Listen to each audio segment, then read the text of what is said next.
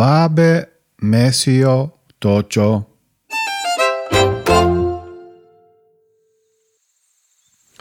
V pregari je bil človek, ki so ga klicali Jurič. En dan je zgodaj jutro nakrhal osla in so šli v malen. Tam je bilo ošpuno drugih in je moral čakati do večera. Njegova čenica je bila zmleta, ko se je vre delala noč.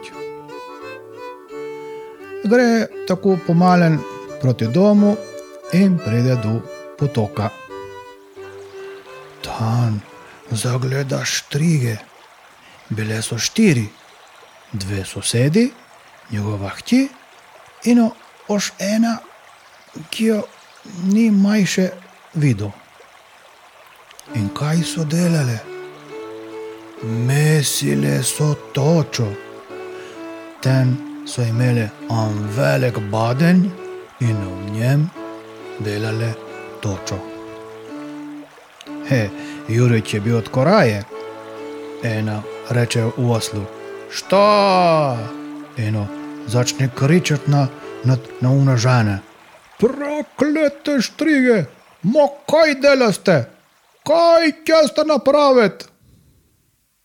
One so finile mešati, gledale so ga črno kusami vragi. Una, katero so klicali Urša, mu je rekla: Poveri se, ko ne greš vaje, nam kaj kamenčič neće ostati od toje hiše. Je znal, da govori resnico, zato je bil tiho in je šel. Ma nekaj mu je napred in napred govorilo v uha, naj gre nazad in naj se skrije.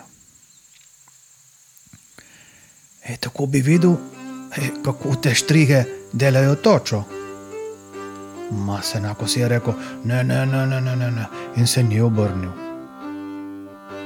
Ponjer hodi in hodi, hodi ena uro, ma ne prehodi forti nanka, nanka sto metrov. Ma kaj je sada tu za en vrah? Si misli in hodi napred.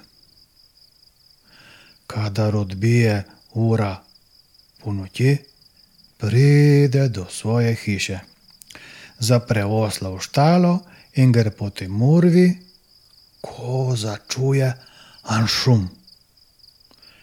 Misli, da je veter, ma ni bil veter, bil je daš. Alora, čuj se da. V pregari je padal daš, ma vse okulen po drugih vaseh pa je tukla toča, vse je stukla, trte, fermenton, arbeto in vse drugo. He, Hanka v pregare bi padala toča, ma so se štrige bale Juriča, zato, ki on je vse videl in bi jih izdal. Uno leto je bilo v pregari puno gruzja in ovina in vsega.